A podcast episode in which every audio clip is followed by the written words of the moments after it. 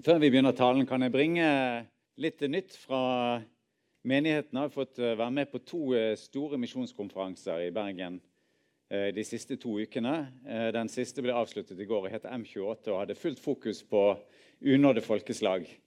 Det var fantastisk å være sammen med folk fra store, den store bredden av kristne i Norge. Det var 30 ulike organisasjoner og kirkesamfunn som var med bak denne konferansen. Og det er flott å se hvordan eh, misjonen og det der å nå videre med evangeliet hvordan det forener. Og at vi bare står sammen da, eh, som i en enhet.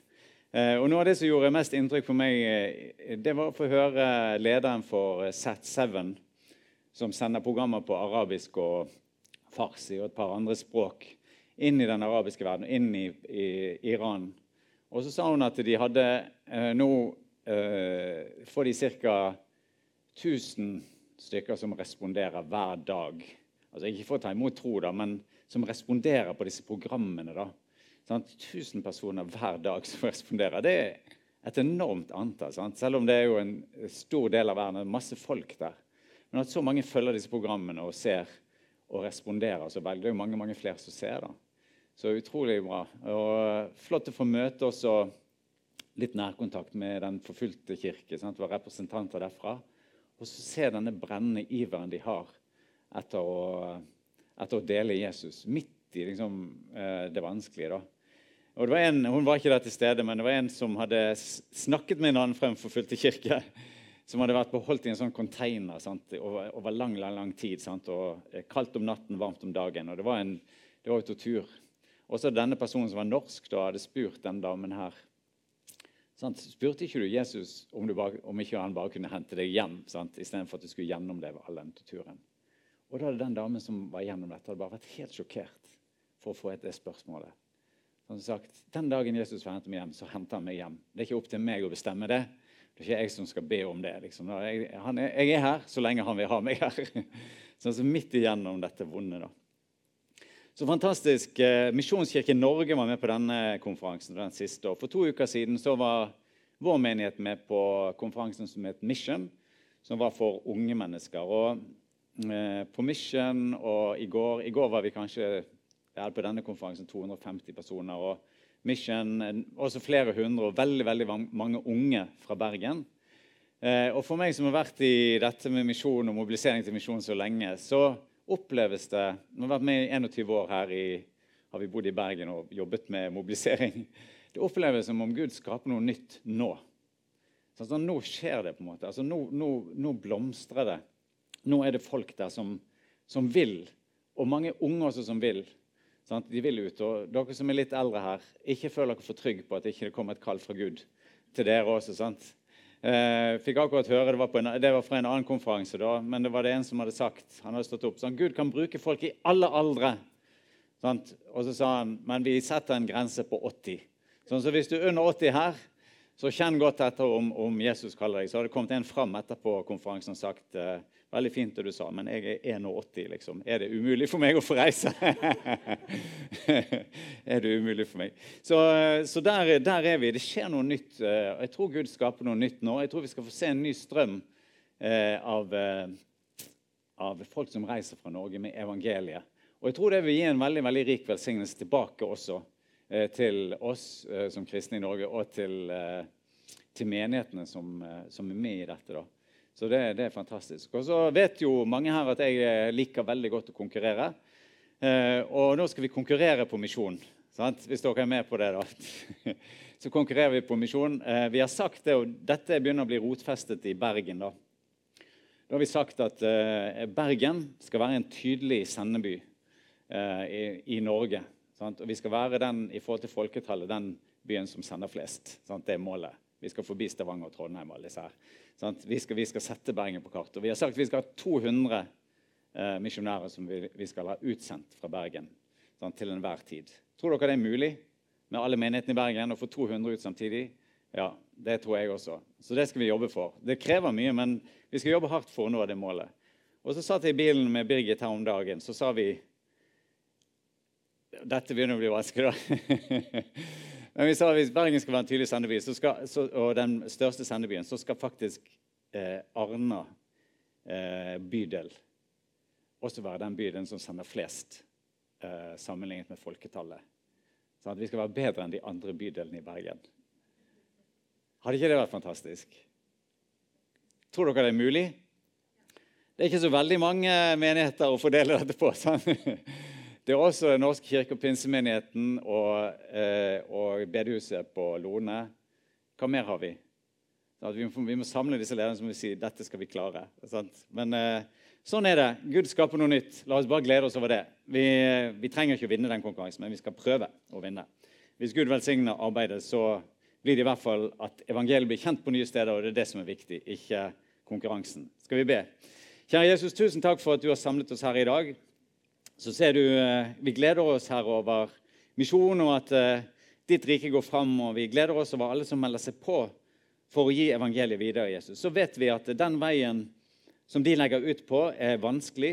Ikke først og fremst at det er vanskelig å komme seg av gårde, men at, jo, at det er vanskelig å komme seg av gårde, Jesus.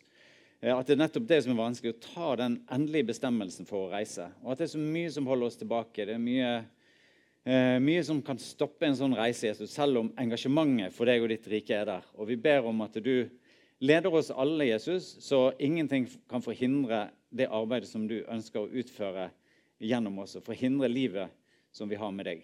Vi ber om at mange av disse som gikk fram på de to misjonskonferansene her, Jesus, eh, at, at, mange av de skal uh, fullføre det kallet og utføre det kallet som du har lagt ned i hjertet deres, og det ønsket de har, og at de skal komme seg av gårde.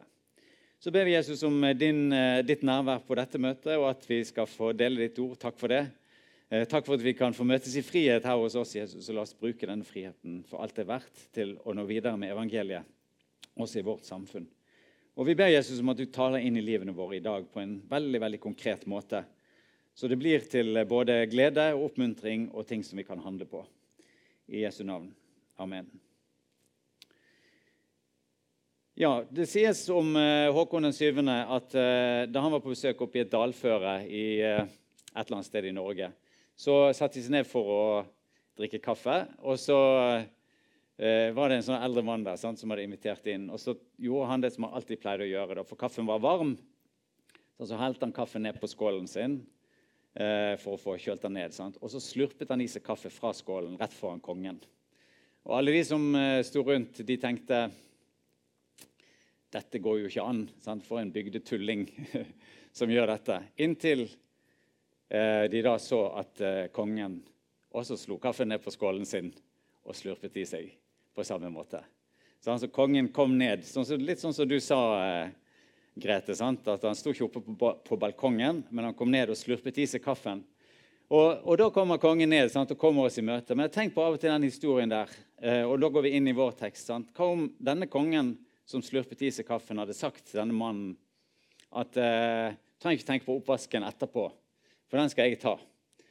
Og Dette var for lenge siden, var Håkon den 7. Eh, så eh, kanskje hadde han også sagt til mannen og jeg skal vaske lokalet etterpå. Da ville mannen sagt nei, nei, nei. nei. det tar vi oss av. Så sier kongen nei, jeg skal gjøre det. Og så skal jeg også eh, tømme utedoen til slutt, før vi reiser videre. Sant? Og sånn, Da går kongen inn på en sånn der, eh, ting som vi mener er dette ligger langt under hans verdighet. Sant? Skjønner vi at her har kongen ikke bare kommet oss i møte, men han har bøyd seg ned og begynner å tjene oss. Og det er det eh, teksten i dag handler om. Vi skal lese fra eh, Johannes 13, vers 1-17. Johannes 13, vers 1-17. Det var like før påskehøytiden, og Jesus visste at hans time var kommet da han skulle gå bort fra denne verden og til sin far. Han hadde elsket sine egne som var i verden, og han elsket dem helt til det siste. De holdt måltid. Djevelen hadde alt gitt Judas, sønn av Simon Iskariot, den tanken i hjertet at han skulle forråde ham. Jesus visste at far hadde gitt alt i hans hånd, og at han var utgått fra Gud og gikk til Gud. Da reiser han seg fra måltidet, legger av seg kappen, tar et linklede og binder det om seg. Så heller han vann i et fat og begynner å vaske disiplenes føtter og tørke dem med linkledet som han hadde rundt livet. Han kommer til Simon Peter. Peter sier, 'Herre, vasker du mine føtter?'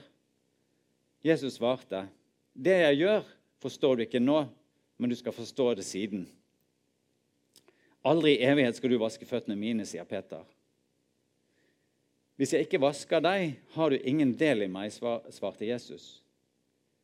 Da sier Peter, Herre, ikke bare føttene, men hendene og hodet også. Jesus sier til ham, Den som er badet, er helt ren og trenger bare å vaske føttene. Dere er rene, men ikke alle. For han visste hvem som skulle forråde ham. Derfor sa han, Dere er ikke alle rene. Da han hadde vasket føttene deres og, satt, og tatt på seg kappen, tok han plass ved bordet igjen. Så sa han til dem, Forstår dere hva jeg har gjort for dere? Dere kaller meg mester og herre, og dere gjør det med rette, for jeg er det. Når jeg som er Herren og Mesteren har vasket deres føtter, da skylder også dere å vaske hverandres føtter. Jeg har gitt dere et forbilde. Slik jeg har gjort mot dere, skal også dere gjøre. Sannelig, sannelig, jeg sier dere, tjeneren er ikke større enn Herren sin, og utsendingen er ikke større enn Han som har sendt ham. Nå vet dere dette, og salige er dere, så sant dere også gjør det. Amen. Jeg fortalte om Håkon 7. fordi at vi i møte med denne teksten her, så sliter vi litt i Norge med at vi ikke har noe sånn eh, klart hierarki. Altså, eh, i, på Jesus tid så var det veldig klare strukturer, og noen som var høyt oppe, og noen som var lavere nede. Og eh, noen oppgaver og det kan vi føle også, i hvert fall når det gikk på dette med å tømme utedoen, og sånn, så er det noen oppgaver som kan oppleves som nedverdigende. Og Det som Jesus gjør i denne situasjonen, var noe som var forbeholdt egentlig de, bare, de, de laveste slavene. Så det var de som skulle vaske føttene til gjestene. Det var ikke de som var høyere oppe på rangstigen, men de som sto aller, aller nederst i samfunnet. Og Så kommer Jesus inn i møte med disiplene som han har vært sammen med lenge. Og så sier han som er leder, og som også i denne teksten han sier at det stemmer at jeg er leder. Sant? Men så sier han likevel, så går han inn og så sier han, jeg tar den oppgaven som de aller lavest rangerte tjenerne tar. Den tar jeg. Og så går han inn og så vasker han eh, føttene til disiplene. Og for meg, Jeg vet ikke hvordan det er for dere med føtter, og sånn, men for meg eh, er dette med føtter det ville vært å gå inn i min intimsone. Er, er, det sånn for dere òg? Ja, føttene liksom, det er noe som jeg helst ikke viser så veldig til andre. Men det for min del har litt med bakgrunn også som løper. At eh, jeg har noe som heter eh, Det har, et, det har en, et, et, navn. Athletic foot. Stemmer ikke? Kjenner du til det, Jon Karsten? Athletic foot. Da ser ikke beina dine så veldig fine ut fordi du har løpt for mye. Eh, så jeg har ikke lyst til å vise dem til noe. Jeg går nesten aldri i sandaler, f.eks. Så jeg har et litt sånn eh, ømt punkt der. Eh, litt ømt punkt på det. Men, eh, men, her er de inn i intimsonen. Og så, og så går, kommer Jesus nær, og så gjør han dette. Og Ofte så leser vi denne eh, historien veldig symbolsk. Og det tror jeg nok ikke er eh, uriktig. Men vi kan også lese historien veldig veldig konkret. Og da blir det noe kjempepraktisk. Sant? Kjempepraktisk. Og så sier Jesus vi er kalt til å tjene eh, hverandre. Og vi er kalt til å tjene i forhold til et behov som ligger der. Det behovet som Jesus møter i denne fortellingen, er et reelt behov. Sånn vi, disiplene har vært på reise. De har gått De har gått sammen med Jesus. De har gått i sandaler, de er skitne. Og så vet vi at når de hadde måltid på den tiden, så lå de ved bordet. Og Det betyr at eh, beina var også Beina ble på en måte en del av måltidet, selv om de lå litt bakover. Liksom, så lå de inn mot måltidet, Men da kommer beina litt høyt. Eh, og da er det ikke noe særlig stas å ligge der når beina er skitne. Det er som når du har satt deg ned etter en fjelltur, på en måte, sant? og så du, har du kanskje lagd en god middag, og så kjenner du at det lukter ikke så veldig godt, for det er noen som har sure sokker på seg. sant? Og i den situasjonen, i den situasjonen hva gjør du sant? når du sitter rundt bordet og du kjenner at her er det sure sokker? Sier du til personen sant? Det er ofte det vi gjør. Uh, du må gå og bytte. sant? Gå og vask deg. Eh, sånn at vi får et fint måltid. I hvert fall sier vi det til barna våre. Og, så, og, så, og så ber vi om det. Eller kanskje er det sånn at vi, hvis det er andre voksne, så, så tør vi ikke si noe, og så snakker vi bare bak ryggen på de etterpå. sier, Tenk at de kunne sitte der eh, med sure sokker. Lett å snakke om det. sant? Lett å kritisere, egentlig lett å baksnakke. Og Av og til når vi kommer med sånne behov som det der, som vi har i livene våre, så har vi også en åndelig variant av dette. sant? Kanskje ikke for de sure sokkene, men når, når, når, noen har sånne problemer, så sier vi vi kan be for personen. sant? La oss be om at de begynner å vaske sokkene sine. sant? Istedenfor Vet du hva Jesus gjør? Han handler i situasjonen. I møte med dette så sier han jeg henter vann, og jeg tar vasken. Vi er kalt til å møte virkelige behov. Sant? Vi er kalt til å møte virkelige behov, sier Jesus til oss i teksten i dag. Virkelige behov hos menneskene rundt oss. Vi er kalt til å møte de behovene. Vi er kalt til, som en sa det, vi er kalt til å komme nær og si ditt problem er også mitt problem. Og jeg skal hjelpe deg å løse det. Av og til lærer jeg mye om eh, Jesus via folk som ikke er kristne. Og vi hadde For eh, noen måneder siden hadde vi noen håndverkere som jobbet hos oss på huset. Og de skulle, sånn Vi har åpnet en, sånn, åpnet en, stor åpning i grunnmuren, og så skulle de støtte av huset over den åpningen da, med en sånn stålbjelke. Så sier han ene og Jeg kan godt si hvem dette er, for det er en god historie. Han het Nordmann. eh, og han jobber for et firma som heter Måkestad. Kanskje noen kjenner han. Da kan dere bringe det tilbake til han. Sånn, så, eh, han var sånn som ikke aldri spiste i løpet av dagen. Det nyttet ikke å invitere han inn på noe mat, men han, han drakk kaffe da. Hele dagen drakk kaffe. Og så står han, sier han til meg det der blir en stor utfordring for oss, den bjelken der. Altså, fordi jeg tror den kommer til å komme veldig langt ned, for vi er nødt til å gå under det taket som ligger her nå. Og da blir det en sånn Kanskje må dere til og med bøye dere litt når dere skal ut i det tilbygget der. Så det, det, det, det, kan bli litt grann, Det er ikke sikkert det der blir helt bra, men vi skal gjøre så godt vi kan. Så var de der noen dager, og så, eh, og så kom jeg ned igjen. Eller så kom han opp og sa nå kan du komme ned og se hvordan det ble. Så kommer jeg ned og ser, så har de fått den der stålbjelken veldig veldig høyt opp. Sånn at det nesten ikke syns at det er en bjelke der i det hele tatt. Den ligger liksom i flukt med resten av taket. Og så, eh, og så står vi der og snakker, og så sier han ja. Jeg sa dette ble jo kjempefint. Så sa han ja, det ble fint. Og disse jobbet altså på anbud, så de tjente ikke noe ekstra på å gjøre ekstra jobb. Men han sa vi sto her tre stykker, og så så vi på dette greiene. Så sa vi hvis dette hadde vært i vårt eget hjem, hvordan ville vi gjort det da? Hvis dette var i vårt eget hjem, hvordan ville vi gjort det? Så de, sa de da hadde vi jobbet ekstra for å få denne bjelken så høyt som mulig. Så sa han, da sa vi til hverandre da gjør vi det her også. da gjør vi det her også. Og så ble det en utrolig fin og vakker historie sant? og en formidling av noe flott. Sant? Ditt problem er mitt problem. Sånn som Jesus sier til oss i teksten i dag. Ditt problem er mitt problem. Din bjelke er min bjelke. Ditt hjem er mitt hjem. Jeg skal få den der så høyt opp som bare mulig. Så ble det noe som talte inn og Her tror jeg vi eh, i vår generasjon og vår tid eh, må be om Guds nåde. Fordi vi har blitt en veldig veldig travel generasjon. Og Det gjelder eh, både de som følger Jesus, og de som ikke følger Jesus. Og jeg tror at eh, Vi trenger å bygge inn et overskudd eh, til å kunne gjøre akkurat det der. Og bidra inn i andres liv og til å være tilgjengelig for andre. For å lage sånne gode møteplasser der vi kan se hverandre. Og jeg er ikke noe flink på dette. Sant? Eh, jeg er like travel som alle andre. Men her tror jeg vi, vi, må be om Guds nåde rett og slett. Og si Gud, hva er det jeg skal legge vekk for å bygge inn marginer i livet mitt, sånn at jeg kan være og tilby ting eh, for andre?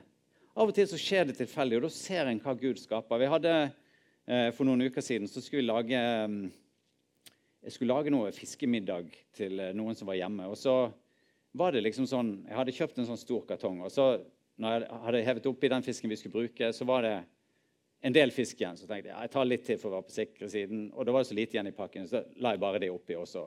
Så tenkte nå lagde jeg altfor mye mat. Men det som var utrolig fint den dagen, det var at uh, plutselig så jeg tror det var Sigrid som ringte. Jeg, at, hun sa jeg, nå kommer jeg og mannen min på besøk. Sant? Eh, så sa jeg ok, det går fint, vi har nok middag til alle. Og så ringer plutselig eh, svogeren min, som de har ikke vært på, hos oss på lenge. eller De kommer liksom bare der og, innom, så sier jeg dere vil ikke komme inn på middag. Nei, har dere middag, liksom? sant? Og så, og så får du bare oppleve at den der maten som var lagd, at den forsvinner. da, eh, Og vi blir til stor velsignelse for mange. Ikke fordi vi hadde planlagt det, men bare fordi at uh, sånn ble det. Og så se den gleden det skaper når en har uh, det overskuddet. Så er det, er det kjempefint. Og la oss be om det. Guds nåde til å velge, sånn at vi har det overskuddet og kunne bidra overfor andre. Så er dette ordet som Jesus sier, også et spesielt ord til, til oss som er ledere. Sant? Og alle som har lederansvar, og som vil følge Jesus. Og Det går på at vi må se behovene hos, eh, hos de som er våre medarbeidere. Sant? Det er mange her som har lederansvar eh, utenom, altså i, i samfunnet. Sant? Vi må se behovene hos medarbeiderne våre og hos andre. Og så sier Jesus egentlig til oss må være klar til å betjene de behovene som folk har. Vær klar til å gå inn i det. Det å lede betyr også at du skal være til stede for de menneskene som du har rundt deg. Og så sier han det er ingen oppgave som er for nedverdigende til at du kan gjøre den, selv om du er leder. Alt kan du gjøre, til og med gå ned og vaske beina til folk eh, når det trengs. Og Her føler jeg egentlig at det er et vers som, og en fortelling som tar bort alt av egne ambisjoner. på en måte, sant? Fordi at, eh, at ønsker du, Det er liksom sånn som i Guds rike. Ønsker du, å, ønsker du å bli stor, så må du bøye deg ned. Sånn, Det er paradokset i Guds rike. Ønsker du eh, å stige i graden, så må du bøye deg ned. måte, sånn. Det er den veien det går. Eh, I, i, I, ydmykhet eh, er det vi arbeider i Guds rike. Jesus sa det selv. Dere vet at de som gjelder for å være fyrster for folkene, hersker over dem, og deres stormenn bruker makt over dem. Så sier han, slik skal det ikke være blant dere. Men den som vil være stor blant dere, skal være alles tjener. Og den som vil være den første blant dere, skal være alles trell. Utrolig spesielle ord. Sant? Helt imot det vi opplever i samfunnet ellers. Sant? Vil du opp, så må du bøye deg ned. Og Her tror jeg at vi også kan ta det med ut i samfunnet sant? og se behovet hos de som vi har rundt oss, når vi er ledere eller bare medarbeidere der ute. Jeg har fortalt en gang før her i menigheten om Kevin fra India som hadde jobbet i bedriften sin for å nå ut med evangeliet. Og prøvde og prøvde, og prøvde, og det gikk ikke. Inntil han en dag kom på jobben, og så ser han at en av medarbeiderne Han eide dette firmaet, så han var the big boss. Og i India så er du virkelig da er du big boss. altså. Da, det, den statusen får du. Så kommer han på jobb, så ser han en av medarbeiderne sitte der eh, bleik. Sant? Og så sier han oi, du så ikke frisk ut. La meg gå og hente et glass vann til deg. Så går han og henter vann. Så gir han dette vannet, og hun drikker, og så begynner hun å gråte. Og så sier, sier han hvorfor gråter du? Så sier, han, sier, hun jeg har jobbet for mange bedrifter, men aldri har jeg opplevd at sjefen min har gitt meg et glass vann. Aldri har jeg opplevd at sjefen min har gitt meg et glass vann. Så enkelt. Og så enkelt var det. sant? Og så åpnet veien seg for evangeliet i den bedriften. Han hadde prøvd og prøvd og prøvd, men det var når han så et behov, og så en, en bleik medarbeider så åpnet eh, døren seg for evangeliet. Og Her er det Jesus sier til oss sant? Det som jeg har gjort mot dere, skal dere, også dere gjøre. La det samme sinnelag være i dere som også var i Kristus Jesus. Hør hva han ga opp sant, av ære. Han var i Guds skikkelse og så det ikke som et rov å være Gud lik, men ga avkall på sitt eget, tok på seg tjenerskikkelse og ble menneskelik. Vi er kalt til å tjene. Vi er kalt til å tjene også de som svikter oss. Uh, I denne fortellingen som vi leste, så uh, møter vi Peter. Sant? Og Peter er jo en som alltid tar litt stor plass i bibelfortellingen. Er alltid noe spesielt med han. Sant? Det er alltid han som skal prøve ut ting. Og så tar Judas eh, plass. Vi får vite at han kommer til å svikte Jesus. Men så oppstår det en underlig situasjon. At idet Jesus går rundt og vasker disiplenes føtter, så, så må han selv om vi ikke får vite om akkurat det. Sant? Men Judas er til stede i det rommet. Og Jesus vasker alle disiplenes føtter. Og så kommer Jesus til Judas, og han vet allerede at denne mannen som sitter her foran meg, om noen timer eller dager, så skal han forråde meg. Han skal forårsake eh, min død. Og hva skjer? Jesus vasker Judas sine føtter. Ikke det utrolig fascinerende? For et øyeblikk det må ha vært. Jeg tror begge må ha visst hva som var i ferd med å skje. Judas hadde fått tanken at han skulle forråde. Jesus vet at det kommer til å skje. Og så opplever de denne situasjonen der Jesus vasker Judas sine føtter. Det må ha vært en utrolig merkelig opplevelse. Men her tror jeg For oss blir det et forbilde på at vi må være klar til å gjøre godt, eh, også mot de som ikke behandler oss vel. Eh? Og kallet til oss er å møte folk med kjærlighet eh, selv om de lager problemer for oss. Jeg kan dele en liten historie fra en venn av meg som var på besøk akkurat denne uken. her, og Han eh, liker veldig godt å klatre. Og Han var på sånn buldre, eh, et buldrested her i Bergen og skulle buldre. og så skulle han skifte på seg, da, så satt han i garderoben, men da hadde de hengt noe sånn covid-skilt eh, over eh, det der tegnet som viste om det var herre- eller damegarderobe. Da. Sånn at, sånn at eh, når han kom inn i garderoben, herregarderoben, så satt det to damer der. Og så sa han jeg tror dere kom feil. Eh, fordi at uh, dette er herregarderoben, og jeg, nå skal jeg bytte. så det er fint om dere går ut. Så går hun ene ut med en gang og unnskylder seg, mens den andre blir sittende. Og Så begynner de å snakke sammen, og så sier hun hun har sånn uh, uklar kjønnsidentitet. Og hun trives ikke i damegarderoben, så derfor velger hun å gå i herregarderoben. Uh, og så sier Øyvind uh, at det var litt vanskelig, men så begynner de å snakke. Og så, og så begynner, han, tenker han jeg må jo bare skifte på meg, for jeg skal jo klatre. sånn. Og så begynner de å snakke. Så sier han så åpner plutselig Akkurat som Gud åpner et rom for at de kan begynne å snakke om tro. Sånn, og Han forteller at han, han, er med i den katolske kirke. Da. Sånn, og så forteller han og begynner å fortelle. Og så sier han eh, jeg er fra den katolske kirke, så jeg står nok for andre ting enn det du står for. Sånn. Men én ting vet jeg 100% sikkert. At Gud er like glad i deg som i meg. Sånn, så ser han bare tårene komme i øynene på den personen som sitter der. Én ting vet jeg sikkert. Gud er like glad i deg som i meg. Ikke fantastisk? I den situasjonen der du kan være litt irritert. sant? Fordi her er det litt sånn her, eh, her føler jeg meg presset. Så klarer han å bevare roen. Én ting vet jeg 100 sikkert. Gud er like glad i deg som i meg. Et fantastisk budskap og et frigjørende budskap. Så vet vi at vi, selv når vi behandler folk som irriterer oss, eller vi syns det er vanskelig eh, å behandle dem på en god måte, så eh, formidler egentlig historien i dag også eh, Peker i hvert fall i retning av at vi vet at forfølgelse vil likevel komme inn i det at vi bringer kjærlighet inn i situasjonen. Han opplevde ikke det i denne situasjonen.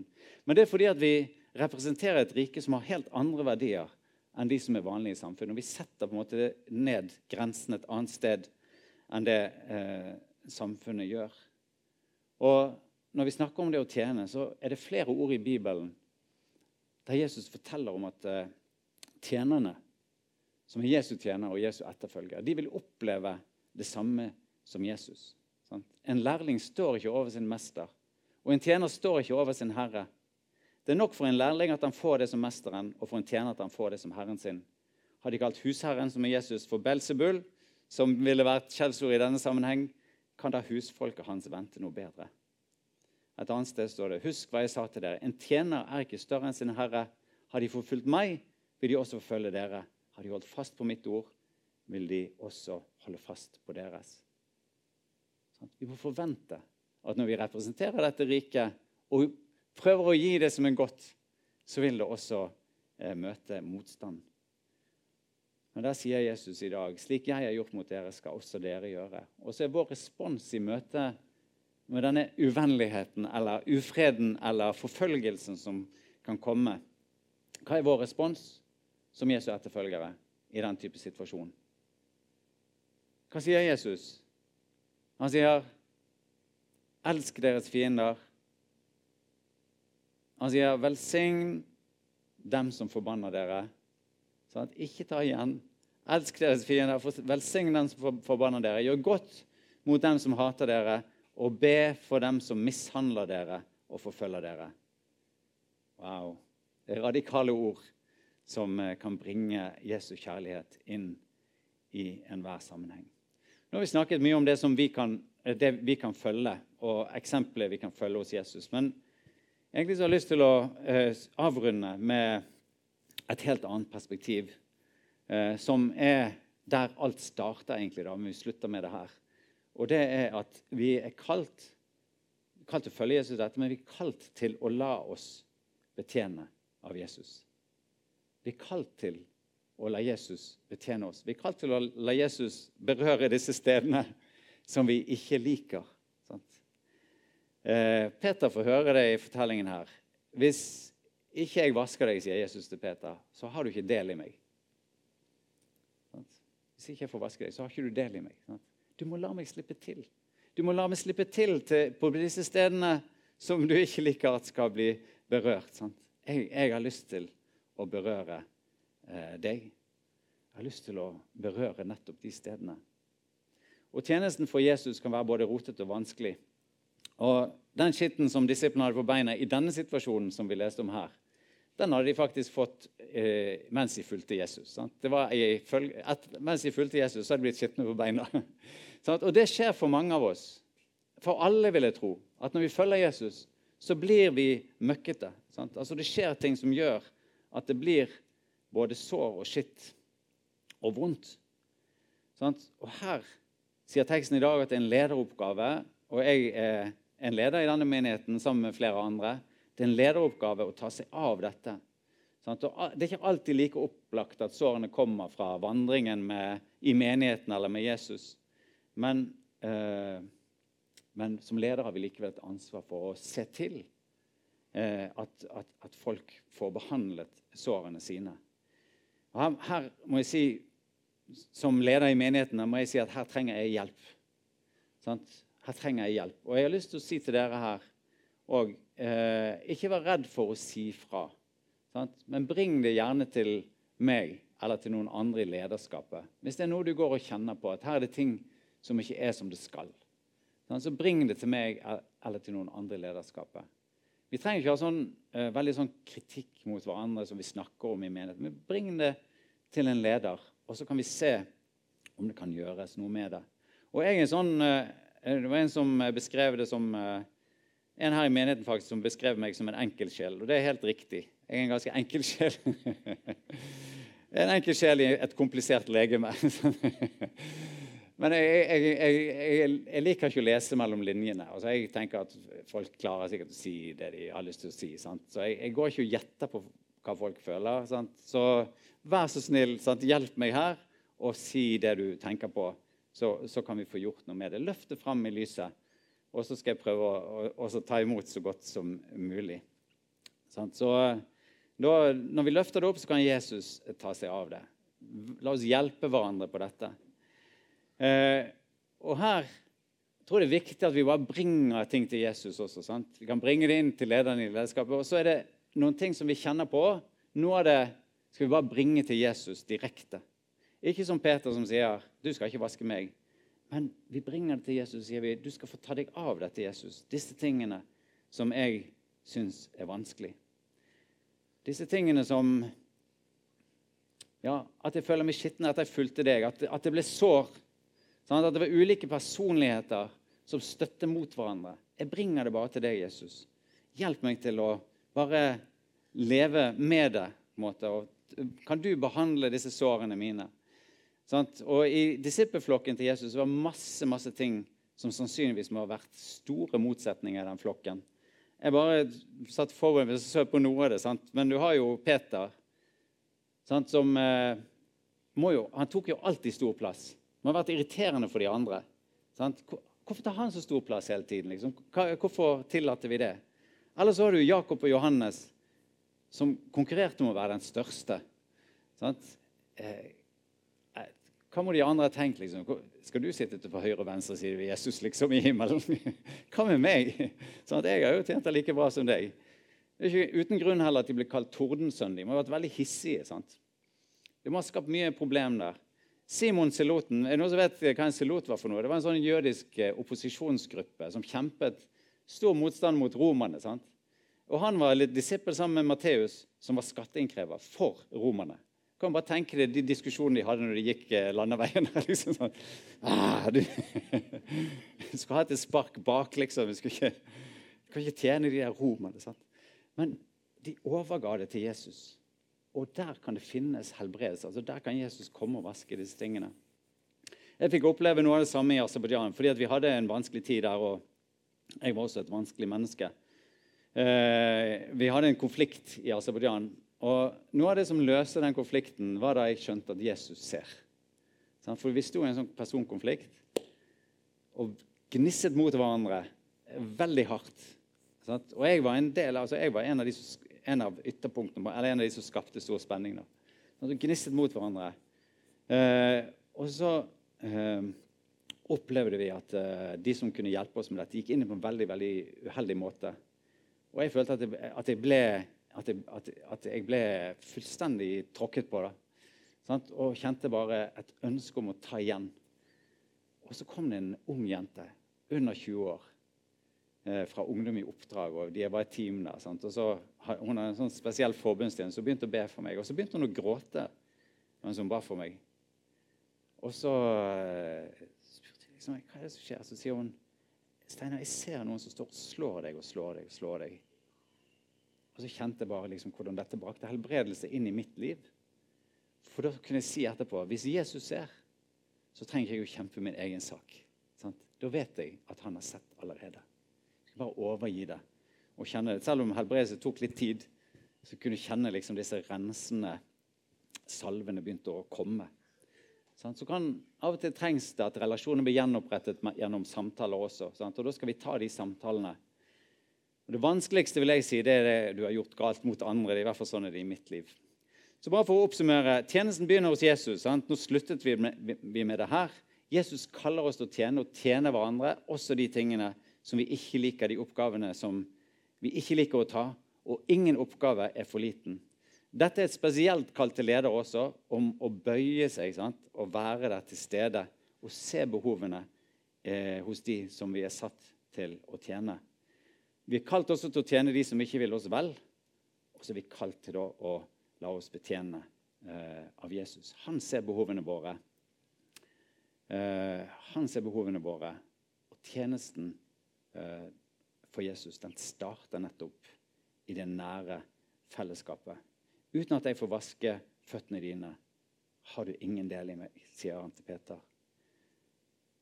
Når vi slipper Jesus til på disse stedene, så skapes det nytt liv. Skal vi be? Kjære Jesus, tusen takk for at du er til stede her.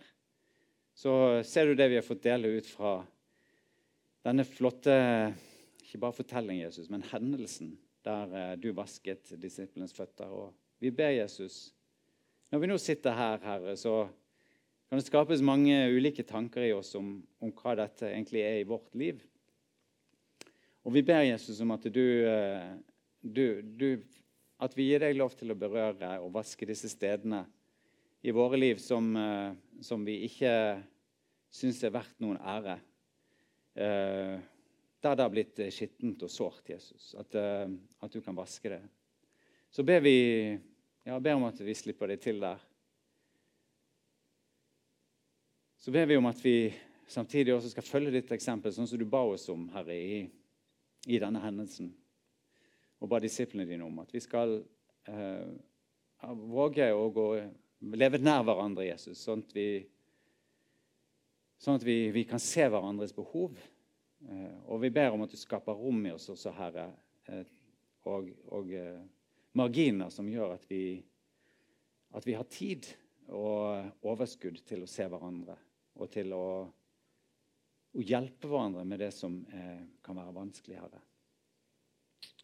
Vi ber for oss som menighet og Jesus at du, at du hjelper oss til å løfte opp hvis det er noen som kjenner på sår og skitt som ligger der, enten nytt eller gammelt, Herre at det kan få komme til oss eh, som har lederansvar i dag, og at vi kan få handle på det. Må du bare vise vei for oss som fellesskap. Jesus, hjelp oss til å slippe deg til, så du kan vaske bort alt som hindrer eh, at din nåde kan få strømme fritt imellom oss. Mm. Du velsigne hver og en som er her, Herre, og la oss få være til velsignelse for, andre, for hverandre. Og vi ber, Herre, for oss at vi skal få være til velsignelse for Eh, de vi har rundt oss når vi nå går inn i en ny uke, Herre. og at denne menigheten og at vi skal, og folk herfra skal få være til velsignelse for for, for, eh, for, vårt land og bringe evangeliet videre i vårt land, Herre, og, og, og til andre nasjoner. Vis oss vei, du Herre, og la oss alltid være villige til å gå. I Jesu navn. Amen.